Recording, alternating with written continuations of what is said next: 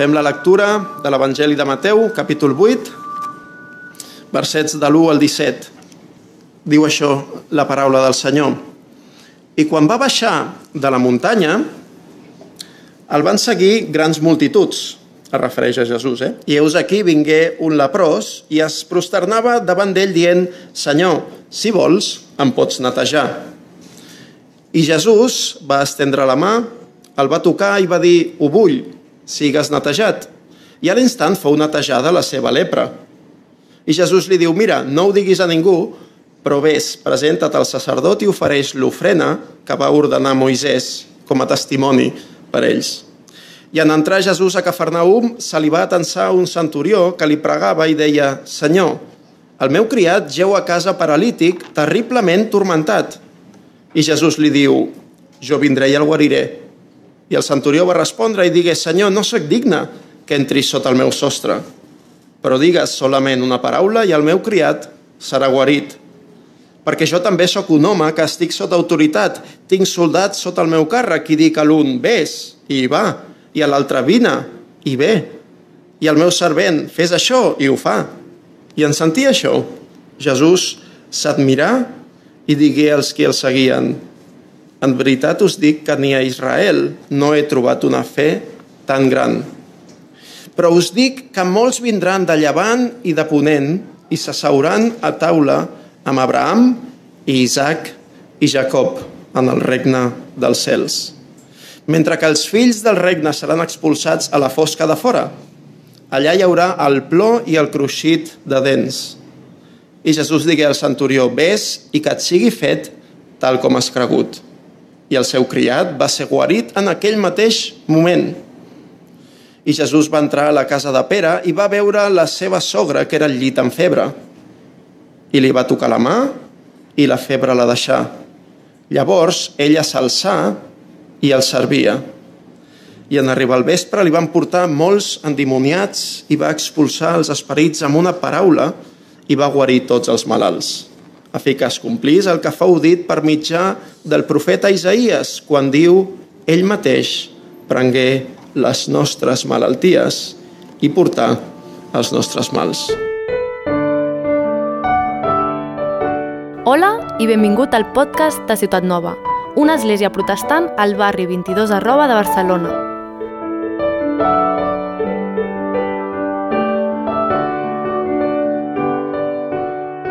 Avui la predicació va més pels nens i els joves que pels adults, que ho sapigueu. Llavors, això és una de les coses que, que volem començar a fer i és que un cop al mes volem que els nostres més petits també siguin amb nosaltres en el culte. Així que els adults també heu d'estar contents perquè possiblement sigui una, una predicació una mica més curta. Vale? Llavors, eh, el que m'agradaria és eh, començar amb una pregunta. Llavors, aquesta pregunta anirà dirigida pues, especialment avui que tinc aquí davant, doncs, per exemple, a l'Aaron i al Miquel, també a l'Abram, si vol, i a tots els nens i nenes que esteu a casa, que sabem que molts són confinats. Llavors, a mi m'agradaria preguntar, fent-vos una pregunta. I la pregunta és molt senzilla, per exemple, Aaron o Miquel, i és si creieu en els miracles. I ara jo no tinc cap pressa, jo. Jo m'esperaré que vosaltres contesteu. Creieu en els miracles? Jo força.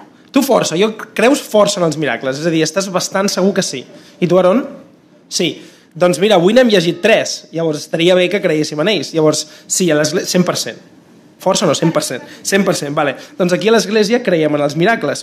Però clar, aquesta pregunta potser era una mica fàcil, sí? El que m'agradaria preguntar-vos a tots i a totes... No em passo. No em passo, tranquil, Miquel. Intentaré no passar-me en tota l'estona. Però a mi m'agradaria fer-te una altra pregunta i és, vale, ara que diem i que n'hem llegit tres de miracles, m'agradaria... Bueno, us ho pregunto, això que hem llegit són miracles? Això que va fer Jesús amb el leprós, amb el criat del centurió i amb la sogra de Pere, són miracles? Sí? Doncs, ara la pregunta, què, què és un miracle? Una cosa impressionant. Una cosa impressionant. I, I podem dir també extraordinària, no? Un miracle? Doncs algú més s'atreveix a, a... Ho podeu pensar, a la resta. Des de casa també. Què creieu que és un miracle? I en Miquel ha dit una cosa impressionant, una cosa extraordinària. Podem dir que és una cosa que, que passa que no és normal? Una cosa que no és normal. És un fet extraordinari. Doncs mireu, jo ho he buscat al diccionari. Ho he buscat al diccionari i senzillament diu el següent, ¿vale? sí? Diu, uh, un miracle és un fet extraordinari que no es pot explicar per causes naturals. Que no podem explicar per causes naturals. I diu que és atribuït, és a dir, que ho ha, ho ha d'haver fet algú, uh, és atribuït a causes més enllà de la natura o a Déu mateix. És a dir, és una cosa que no podem explicar per causes naturals, un miracle, i que l'ha d'haver fet algú que no sigui natural, és a dir, ni les persones, ni la natura, ni els animals. Ha de ser algú altre, fora de lo natural. O Déu mateix, diu el diccionari, eh? diu, o Déu mateix. Sí? Llavors, eh, podem dir que el que hem llegit és una demostració del que fa Déu? Una demostració del poder de Déu? Doncs resulta que el Rubén ja ens ha parlat de, del poder de Jesús i ja ho hem llegit. I a mi m'agradaria que us quedéssiu, si teniu una mica de memòria, en què podem definir els miracles com una demostració del poder de Déu. Us agrada? Sí? És una demostració del poder de Déu? Vale, de moment ho deixem aquí. Llavors, Església, avui el que fem és començar una nova sèrie. I no sé si algú de vosaltres se'n recorda que l'any passat ja vam estar predicant sobre l'Evangeli de Mateu. Us en recordeu de com es deia la sèrie? Els ciutadans del regne? Doncs ja vam estar predicant sobre l'Evangeli de Mateu i vam acabar en el capítol 7. El que passa és que això és una mica com les pel·lícules, um, que vam acabar en què Jesús va baixar de la muntanya, tothom estava meravellat i continuarà. Sí? De fet, al final del capítol 7 llegíem això. I s'esdevingué que, quan Jesús acabà aquestes paraules, les multituds s'admiraven del seu ensenyament, estaven admirades, perquè els ensenyava com qui té autoritat. I aquesta paraula serà molt important ara, com qui té autoritat, i no com els escribes. Llavors, tranquils, que avui continuem la història. Hem estat moltes setmanes sense predicar de Mateu, però avui continuem la història.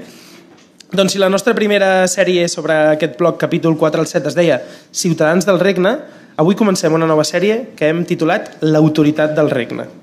Sí? Repeteixo, l'autoritat del regne. Llavors, si esteu interessats en com Mateu va escriure el seu evangeli, ahir us vaig passar un vídeo pel grup de WhatsApp i un, i un, i un quadre, resum. Sí? Llavors, si algú vol mirar, i si esteu a casa també, jo us animo a que ara o després intenteu trobar els tres miracles que hem llegit en el requadre que us vaig passar. I a mi, eh, simplement m'agradaria recordar que en aquest requadre podem veure com Mateu ens va explicar les històries de Jesús. Llavors, el que passa amb Mateu és que no les va endreçar per ordre i ja està. Ell ho va fer d'una manera especial, extraordinària, sí? I ressalta alguns temes que ell el tenien meravellat. Llavors, sabeu quina era la intenció de Mateu? La intenció de Mateu era que els jueus com ell creiessin en aquest Jesús. Llavors, una cosa molt interessant, i que ha llegit també ara el Rubén, és que quan llegim Mateu, Mateu veureu que és ple de cites de l'Antic Testament, dient, veieu, això que, que està passant, està passant com algú va escriure que passaria. És a dir, Mateu està tota l'estona dient, veieu, això s'ha complert. Sí? O veieu això que van dir els profetes? Doncs mira, ara està passant en la figura de Jesús. Sí? Així que Mateu va dissenyar el seu llibre per explicar-nos tot això. I el que passa és que, a part de fer una introducció, va dividir el cos de l'Evangeli en cinc blocs. I algú dirà, per què cinc blocs, Vladi? Doncs sabeu què va fer Mateu? Va intentar imitar els llibres de Moisès, els cinc primers llibres de Moisès, la Torà. Cinc primers llibres de la Bíblia són cinc llibres superimportants. Doncs Mateu va dir, doncs mira, jo faré cinc blocs també superimportants per parlar d'aquest Jesús. Ciutadans del Regne va ser el primer, el Sermó de la Muntanya, i avui comencem la segona part. Llavors, si us faig una miqueta de resum del que vam veure Ciutadans del Regne, en un minut, sí? vam veure que Jesús entra en escena anunciant l'arribada del regne de Déu. Què és això del regne de Déu? I porta els seus seguidors a una muntanya. I en aquesta muntanya dona una explicació meravellosa. Els explica què vol dir seguir-lo i viure en aquest regne. Llavors vam veure una cosa extraordinària i és que això és un regne que està del revés. Què vol dir un regne del revés? És com no te l'imaginaries. És un regne pels pobres, pels donàdies, però també pels rics i pels religiosos. Tots som convidats en aquest regne. Estem tots convidats. Però som cridats a penedir-nos i seguir a Jesús. Llavors, Jesús va dir que ell era aquí per transformar els cors de les persones, perquè puguem estimar realment Déu i estimar els altres, inclosos els enemics. Sí? I ara, quan acaba tot això, torno a llegir que diu s'esdevingué que quan Jesús acabà aquestes paraules, ojo aquí, eh? les multituds s'admiraven del seu ensenyament, perquè els ensenyava com qui té autoritat. I els capítols 8 i 9, sabeu què són? Són bàsicament una demostració pràctica d'aquesta autoritat. Mateu ens ha dit que la gent deia ui, aquest home té autoritat. Què vol dir tenir autoritat? Què vol dir tenir autoritat? Doncs avui ho veurem. Però bàsicament el que fa Jesús ara és demostrar aquesta autoritat. Com aquesta autoritat de Jesús es veia a la pràctica, al carrer. Sí? Com afectava això a la gent, el que havia dit Jesús? Llavors, dues paraules molt importants són autoritat i discipulat en aquests capítols 8 i 9. Després del sermó de la muntanya, ara Jesús veiem fent realitat allò del que ens parlava. Sí? Llavors, primer ens va parlar del seu regne i ara ens l'està demostrant amb fets. Ho enteneu, això? Sí? Molt bé. Doncs, sabeu què fa Mateu? Mateu, per, per, per ensenyar-nos com Jesús va demostrar el seu regne, ens va explicar nou històries. Nou històries. De fet, són nou miracles. Però tranquils, avui no, no us explicaré nou històries. Amb tres en tenim prou, sí? I aquestes, eh, aquests nou, nou històries va decidir fer tres grups de tres. Llavors ara una mica de mates, ¿vale? per ha una mica de mates, no sé com teniu les multiplicacions. Però si hi ha tres grups de tres històries, tres grups de tres històries, una mica de mates, 3 per 3, 9, perfecte. Vale? Llavors avui hem llegit les tres primeres. I què tenen en comú totes aquestes? Doncs és molt important de que Jesús va fer miracles. Però no va fer miracles perquè sí. Totes aquestes històries ens parlen de persones que estaven o malaltes, o que tenien cossos trencats, o que estaven en perill. Tenien una necessitat. Jesús els cura, els guareix o els salva amb el seu poder. Llavors, algú se'n recorda que, que hem dit que eren els miracles? Eren com demostracions del poder de Déu, no? Doncs en aquest cas els miracles són actes de bondat, de gràcia, i demostracions del poder de Jesús. Llavors, Jesús no fa miracles perquè sí, eh? perquè són espectaculars. Ara mira, ara una tempesta, ara talla una muntanya per la meitat... No els fa perquè sí, sinó que responen a persones que hi ha una necessitat. No? Llavors hem dit, m'heu dit que creieu en els miracles. Vale, molt bé, vinga, us ho compro. I que un miracle és una cosa que no és normal, que és extraordinària. Sí? Fins aquí tothom. Molt bé, doncs ara us posaré un, en un embolic una miqueta més gran, d'acord? Si els miracles són demostracions del poder de Déu i aquests miracles els va fer Jesús, ara vull que penseu, si haguéssiu de dir quin és el poder de Jesús, només un, quin seria? Un superpoder, un superpoder de Jesús, quin seria? Només un, penseu. Quin és el superpoder de Jesús? Només un. És complicat, això.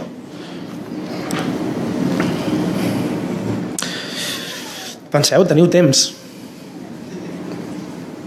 No ho sé. Hem dit que, ho hem quedat, que els miracles són demostracions del poder de Déu. Llavors Jesús va fer aquests miracles. Llavors quin és el seu poder? Què va fer? El seu poder és sanar les persones? Però només un, eh? Jo us proposaré unes idees. Però ja us avanço que aquestes idees ens ajuden a entendre aquest text, però que es queden molt curtes. Vale? Llavors no pretenc dir que això és l'únic poder que té Jesús. Es queden curtíssimes. Però ja us proposo una cosa, a veure si us agrada. I si, ho faig en forma de pregunta, i si el superpoder de Jesús fos arreglar tot allò que està trencat? Us sembla un bon poder? El poder per arreglar tot el que està malament. Un poder només. Arreglar o reparar tot el que està trencat. Què us sembla? I un altre, i si el poder de Jesús fos donar poder als altres? Això seria un bon poder, també, eh? Que el poder de Jesús fos donar poder als altres. Com ho veieu, això? Jo ho he estat pensant i m'han sortit aquests dos. Un, un poder, el superpoder de Jesús pot ser arreglar tot el que està malament? El meu poder, el meu no, el de Jesús, seria arreglar tot el que està malament. Tot el que està malament ho arregla. O un altre podríem dir que és donar poder als altres. Això seria un bon poder, també, eh? Sí o no? Doncs, el de curar persones. Clar, però no només va curar persones. És veritat que totes les persones tenien una necessitat, però n'hi ha algunes que estaven en perill, però no estaven malaltes. Per exemple, la barca. Te'n recordes la barca i la tempesta? Llavors, clar... Bueno, deixem-ho aquí. Llavors, tots els seus miracles, i és el que vull que veieu, tots els seus miracles van demostrar que havia vingut a salvar el món. I alguns de vosaltres em direu, mira, Vladi, jo vaig anar al cine l'altre dia a veure, a veure Spider-Man la nova i tots els, superma tots els superherois salven el món o algunes persones. El problema que tenim amb els superherois, sabeu quin és? Que estan tots a Nova York. Que dius, home, sisplau, vine alguna a Barcelona. T'imagines a l'Spiderman per la Sagrada Família perquè tots han de salvar Nova York. Que dius, sisplau, no? Manhattan, tothom va allà a fer mal, sí o no? Llavors, això és un problema. Tot passa allà. Doncs anem a veure si esteu d'acord amb aquest superpoder de Jesús. Llavors anem a veure els tres miracles. Sí? El primer que hem llegit és la sanació del leprós. Vale? Diu que quan Jesús va baixar de la muntanya el van seguir grans multituds. I heus aquí un leprós es prosternava davant d'ell. Això vol dir que es va agenollar davant seu i li va dir Senyor, si vols em pots netejar. I Jesús sabeu què li va respondre? El va estendre la mà, el va tocar, això és important, i va dir ho vull, sigues netejat. I a l'instant la seva lepra fou sanada. I després li va dir, mira, no ho diguis a ningú, eh? Ves, presenta't al sacerdot, ofereix una ofrena, la que va ordenar Moisès, com a testimoni a ells. I a mi m'agradaria preguntar-vos, sabeu què és un leprós? Perquè potser és una paraula que no, no coneixeu. Mireu, un leprós, Miquel, era una persona que patia una malaltia molt lletja. Una malaltia molt lletja anomenada la lepra. I era una de les pitjors malalties que es podia tenir. Algú sap per què?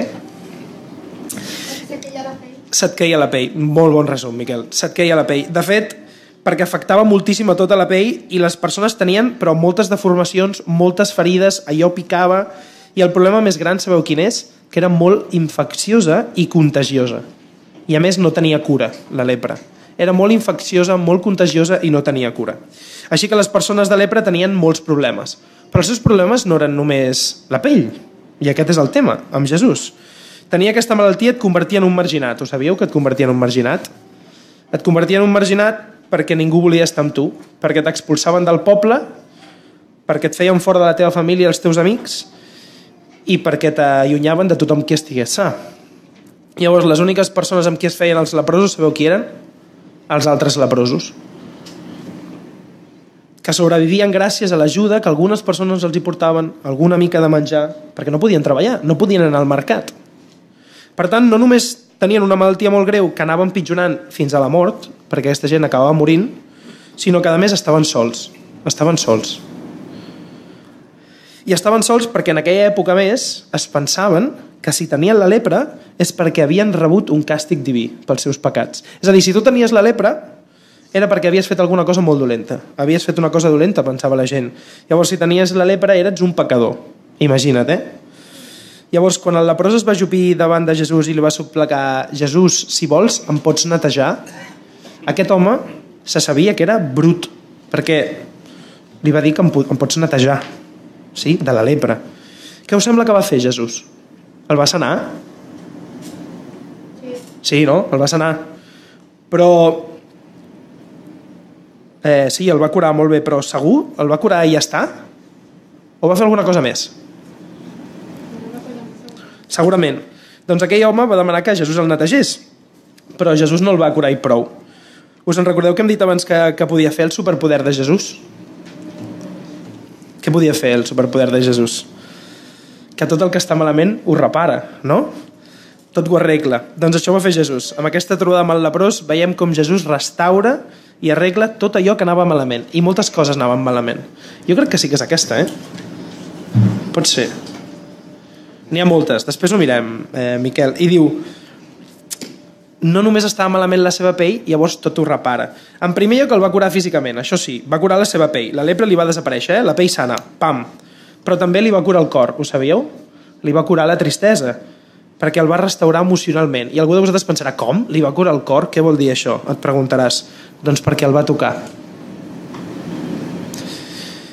I dius, el va tocar, vale. Però és que a Jesús no li calia tocar aquell home per salvar-lo. Jesús podria haver dit, sana't, i hagués estat sanat. Però va restablir la seva dignitat. Es va arriscar a contagiar-se tocant-lo. La lepra era molt contagiosa, ningú els tocava, estaven marginats. I Jesús es va arriscar a tocar-lo. Es va arriscar a contagiar-se la malaltia i, a més, es va convertir voluntàriament en una persona impura, com el leprós, simplement perquè aquella persona se sentís estimada. Jesús tocant-lo es convertia oficialment en una persona impura. Llavors no l'hauria d'haver tocat, però quan el va tocar li va transmetre amor, acceptació i dignitat. Això és com quan els teus pares o els teus amics et donen una abraçada, aquelles abraçades que són màgiques i ho curen tot. Sí? Quant de temps feia que aquell home ningú el tocava? Potser feia anys que ningú el tocava, aquella persona, eh? I Jesús el va tocar arriscant-se a contagiar-se a ell.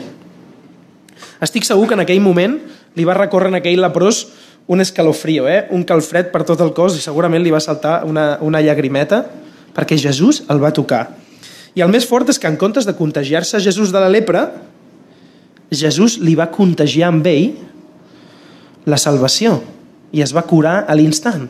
Jesús li va contagiar amb ell alguna cosa, en comptes d'aquell leprós contagiar-li la lepra. Llavors pot ser que el poder de Jesús sigui donar poder als altres. I hi havia alguna cosa més que Jesús podia arreglar? Li va curar la pell i li va curar el cor, la tristesa. Li havia curat la malaltia i li havia dit, diguéssim, curat el cor, tocant-lo, dient-li que sí, que et vull netejar, doncs sabeu què? També arregla la seva relació amb els seus amics, amb la seva família, amb la societat, amb els veïns, amb els familiars i amb la resta de persones. Perquè Jesús li diu, no li diguis a ningú, vés, presenta't al sacerdot i ofereix l'ofrena que va ordenar Moisès. I amb això Jesús s'assegura que el sacerdot el declari net oficialment de la malaltia i per tant dels seus pecats. I això volia dir que aquest home podia tornar a formar part de la comunitat, a tenir una feina, a anar a comprar al mercat i a viure amb la seva família. I el més important encara, perquè el poder de Jesús és arreglar-ho tot. El més important que ens queda encara és que Jesús va reparar la seva relació amb Déu, perquè li va dir de presentar una ofrena, un sacrifici davant de Déu, un símbol de perdó de pecats. Per tant, Jesús li va dir això que jo t'he fet no només és curar-te la pell, sinó que ara també estàs en pau amb Déu. I ho veieu, aquella trobada amb Jesús va representar un canvi total. Aquella persona estava pensant en la seva pell i és molt fort perquè va demanar ser curat, però va rebre molt més del que esperava. Llavors, què n'aprenem d'aquest miracle? Sabeu què n'aprenem d'aquest miracle? N'aprenem una cosa molt important, i és que el pecat no només és un problema espiritual. A veure si esteu d'acord amb mi. Afecta, el pecat afecta a totes les coses de la nostra vida. Que Jesús ens salvi, per tant, la salvació, i això és molt important, la salvació no és una cosa espiritual i prou. Nens que esteu a casa i que esteu aquí, i adults, la salvació no és només un tíquet o una entrada al cel. La salvació no és un tíquet o una entrada al cel, la salvació, sinó que la salvació implica arreglar tot allò que està afectat pel pecat. Arreglar tot el que està malament. Tot allò que està malament. I em sembla que aquest és el superpoder de Jesús, arreglar tot el que està malament. Llavors anem al segon miracle.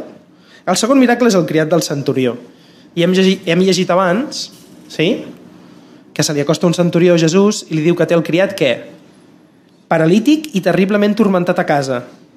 I sabeu què li diu Jesús? Dic, bueno, jo vindré i el guariré. I aquell home li diu, no, no, no, no, no vinguis. No sóc digne de que vinguis a casa meva. Tu pots dir que es, que es curi des d'aquí i aquest home es curarà. I aquest miracle encara és més interessant. Perquè és Jesús mateix que es queda meravellat. És el propi Jesús que, em perdonareu les paraules, es queda flipant. Perquè diu, en veritat us dic que ni a Israel he trobat una fe tan gran. Jesús està meravellat amb aquest home. I és una ironia que l'única persona que fa meravellar a Jesús en els evangelis és un soldat romà. I sabeu què és un soldat romà per Jesús i pels jueus? Un enemic. És un enemic. L'únic motiu per què aquest home estava a Palestina, sabeu quin era? Era per assegurar-se de mantenir els jueus sota el domini de l'imperi romà. O sigui, per mantenir-los sota domini. Aquell home no era un jueu. Llavors, ara aquí, també nens, aquell home era un centurió, no sé si us sona una paraula centurió, però un centurió era un capità de l'exèrcit romà. I la paraula centurió és molt bona perquè um, té la, conté la paraula cent, centurió. Llavors resulta que era un home que sota les seves ordres tenia una centúria, és a dir, 100 homes, ¿vale? Llavors era un home que estava acostumat a manar, un centurió estava acostumat a manar, tenia 100 homes al seu càrrec. Això volia dir que els deia tu, porta'm això. Pam, i li portava. Llavors aquest home estava acostumat a demanar. Si demanava alguna cosa als seus soldats, ell no dubtava que la farien. Llavors, de la mateixa manera que tenia poder per manar, també va reconèixer que Jesús tenia poder per salvar. Va reconèixer l'autoritat que tenia Jesús. Sabia que la distància no era cap problema. Aquell home sabia que Jesús podia fer desaparèixer la malaltia del seu criat només amb els seus llavis. No calia que hi anés aquest home que estava acostumat a manar tenia autoritat, va reconèixer l'autoritat de Jesús. I fixeu-vos el, que ens van, el que ens vol ensenyar Mateu, és molt fort, perquè abans, a un leprós que no l'havies de tocar, Jesús què va fer? El va tocar. I ara Jesús, que estava disposat i va dir no, jo vinc a casa teva, quan no calia, no cal que ho faci, però ara estava disposat a anar a casa d'un enemic de l'exèrcit a curar el seu criat. És a dir, qui és aquest Jesús? Quina mena de persona és aquest Jesús? Sembla que faci totes les coses al revés. A un leprós que no l'has de tocar, el toques i el criat d'un centurió que és casa d'un enemic romà, dius que hi vols anar? Quina mena de persona és aquest Jesús? I el més meravellós succeeix. I és que el, el centurió, una persona romana que no tenia ni idea sobre Déu, ni havia llegit la Bíblia, ni la Torà, sí, els llibres de la llei, ni sabia les promeses sobre el Messies, reconeix que Jesús és l'enviat de Déu, qui té autoritat per arreglar tot allò que està malament. Aquest home ho havia descobert. Va reconèixer l'autoritat de Jesús.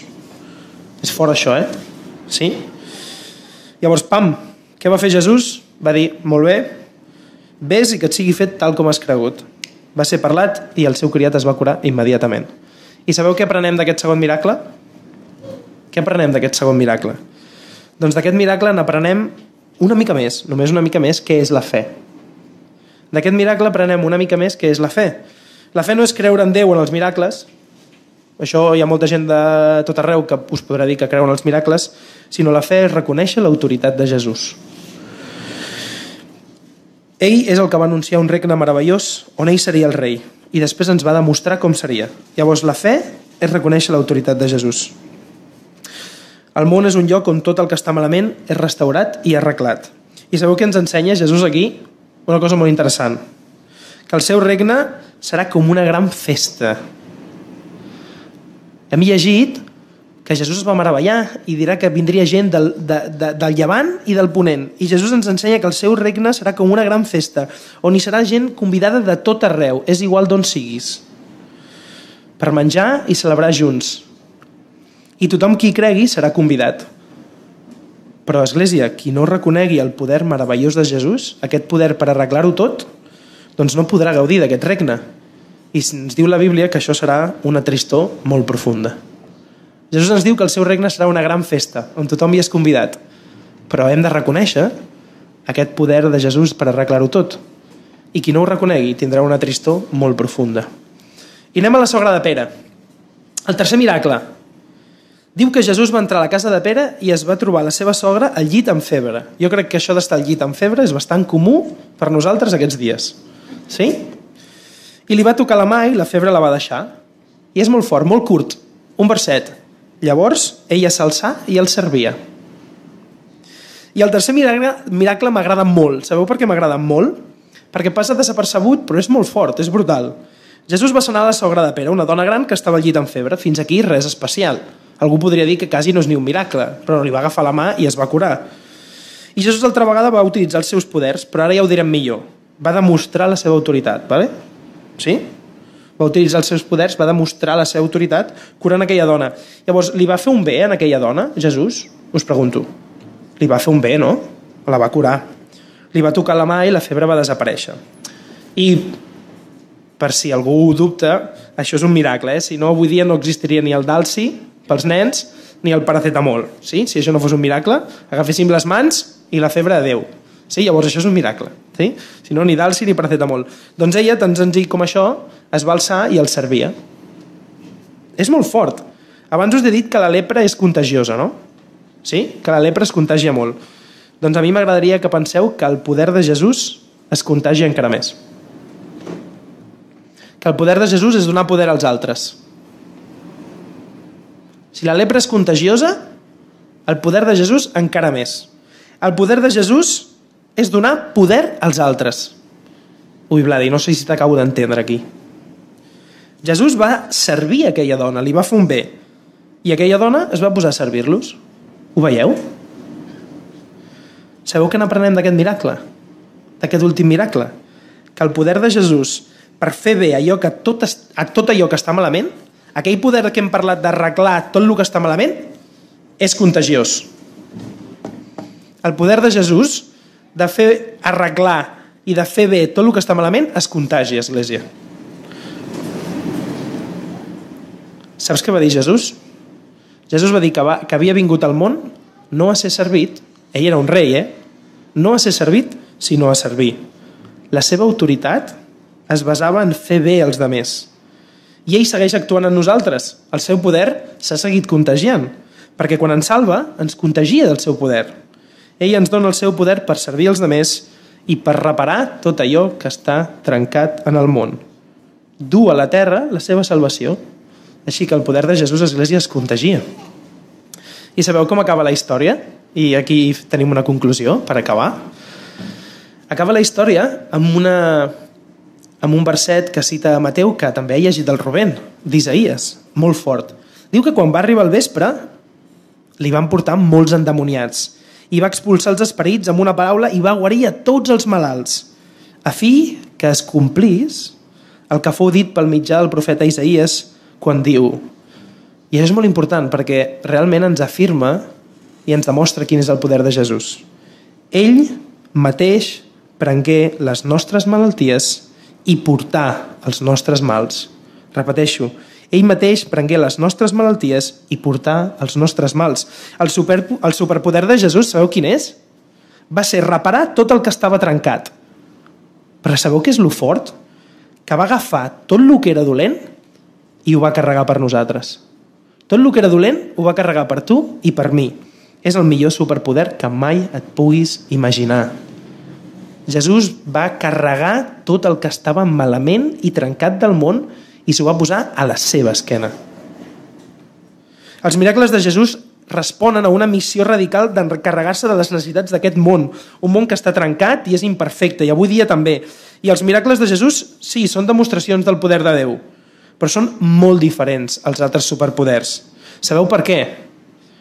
Perquè no només salven el món, com els Superman, Spiderman, Hulk, el que tu vulguis, i no només alleugen el patiment, sinó que fan una altra cosa. Sabeu què fan? Carreguen i absorbeixen aquest patiment. I això és molt fort. Els miracles de Jesús ens parlen de com ens va salvar. Perquè, clar, si tu penses en el Superman, en l'Spiderman, en Thor o en Hulk, o fins i tot l'armadura de l'Iron Man, tu penses, saps què fa? Saps com els fa això? Els fa invulnerables. Què vol dir això?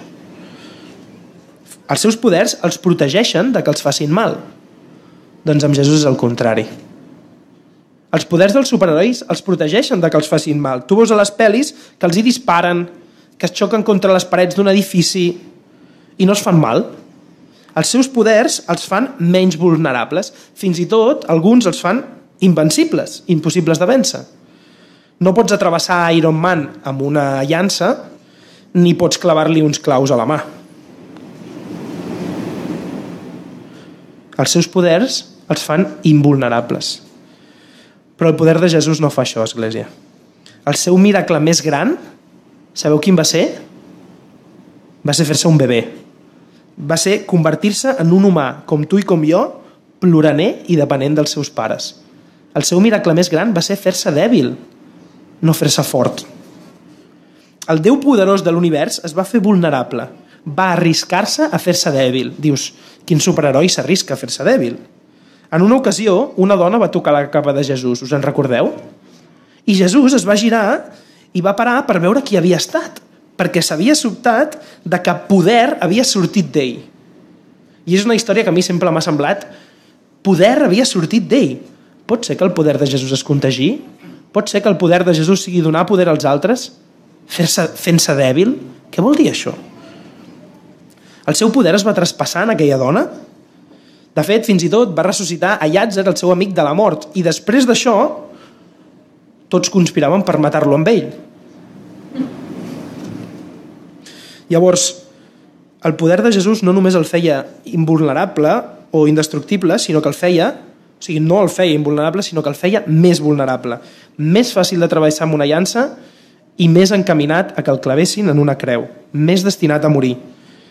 Hem llegit, ell mateix prengué les nostres malalties i portar els nostres mals. Llavors, això és molt important. Com funciona aquest poder de Jesús? Com s'encarrega Jesús de fer allò que hem dit al principi? d'arreglar tot el que està malament. Com ho fa Jesús, això d'arreglar tot el que està malament? De solucionar les nostres malalties i el nostre pecat? Doncs Jesús s'ho carrega a sobre seu. S'ho carrega a ell mateix. No va venir a jutjar-nos per lo dolents que som, sinó per carregar la nostra condemna. Ho enteneu, això? Tota la soledat, fixeu-vos en el leprós, tota la soledat, la tristesa i el patiment i la marginació d'aquell leprós va ser curada. Però Jesús la va carregar i la va sentir en la seva pell, mai millor dit. Un poder que el va dur a salvar la humanitat, però recarregar tot lo dolent sobre si mateix, tot el nostre pecat. I Jesús, Església, ens estima amb un amor molt més gran del que ens podem imaginar, eh? Ens estima amb un amor molt més gran. No et pots imaginar les coses lletges que va carregar, eh? Coses lletges, fastigoses i horribles que hi havia al món i que encara hi ha. Se les va carregar per ell, les va patir ell mateix. El seu miracle més gran va ser carregar d'una vegada per totes, a part de fer-se un bebè, potser aquest sí és el seu miracle més gran, carregar d'una vegada per totes amb el pecat i rebre ell el càstig que mereixíem tu i jo, a la creu. No va venir a jutjar el món, sinó a carregar amb la condemna. Sí? Podem dir que va venir a ser debilitat i mort. Tot va recaure sobre ell a la creu. Llavors, és molt fort perquè la seva autoritat no ve perquè té 100 soldats al seu càrrec com el centurió, o la seva autoritat no ve perquè és el més fort com el Hulk o té la millor armadura com l'Iron Man. La seva autoritat i poder són molt diferents a les de qualsevol superheroi. Ell va carregar tota la injustícia i va pagar el càstig. Va morir per tu i per mi a la creu, perquè tothom pogués ser salvat. Ell mateix prengué les nostres malalties i portar els nostres mals. Llavors, amb això acabo. Sabeu quina és la seva força? La força de Jesús? La seva força es manifesta a través de la seva debilitat. Llavors, la seva força és la seva debilitat. La seva força va ser demostrada venint i anant cap a la creu a morir per nosaltres. La seva força és infinita i ho és a través de la debilitat. Això és molt fort, eh?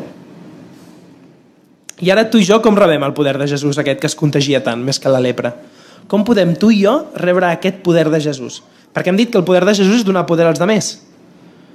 Doncs tu i jo saps com rebem el poder de Jesús? El vols, el poder de Jesús? Jo sí que el vull. Sabeu com el podem rebre? Digues. Per què el faré servir? Doncs de la mateixa manera que ell restaura el món, nosaltres també volem curar aquest món. I diu, um, com puc rebre aquest Jesús? Com puc rebre el seu poder? Diem que la seva força està en la debilitat. Doncs nosaltres, fent-nos dèbils, rebem el seu poder. Reconeixent els nostres pecats, dient, Jesús, et necessito. Quan ens fem dèbils, llavors som forts. Rebem el poder de Jesús quan ens fem dèbils reconeixent la seva autoritat, com el centurió. I com beneirem el món que ens envolta, Miquel? Doncs la nostra força està en la debilitat. Beneirem el món quan la nostra força sigui la nostra debilitat. No manant el món, sinó com la sogra de Pere, que és el millor exemple de tot aquest text, siguem com la sogra de Pere. No, no, no sortint al món a dir-li totes les coses que està fent malament, no manant el món, sinó servint el món. I aquest és el nostre poder, servir el món traspassant el que tenim, donant els nostres diners, donant el nostre temps i fins i tot el nostre cor, perdent aquestes coses pels altres. Així que, Església, ara tu i jo estem convidats en aquest regne a una gran festa. Jesús ens convida a una gran festa. Siguis jueu o un enemic romà, estàs convidat a aquesta festa. Què farem? Doncs jo crec que com la sogra de Pere rebrem aquest poder de Jesús i ens deixarem contagiar. Sí? Perdoneu que ho digui, eh? més que l'Omicron i més que la lepra, ens deixarem contagiar del seu poder i servirem als altres. I això és el que farem, Església, perquè Jesús ens ha estimat tant que nosaltres també tenim poder per estimar els demés. Creus en aquest Jesús? Sí. Doncs som-hi tots a fer com ell va fer i restaurar tot allò que estava trencat en el món. Gràcies per escoltar aquesta predicació. Si tens preguntes respecte al seu contingut o vols tenir una conversa sobre l'Evangeli, no dubtis en contactar-nos. El nostre correu electrònic és info arroba cn22.org.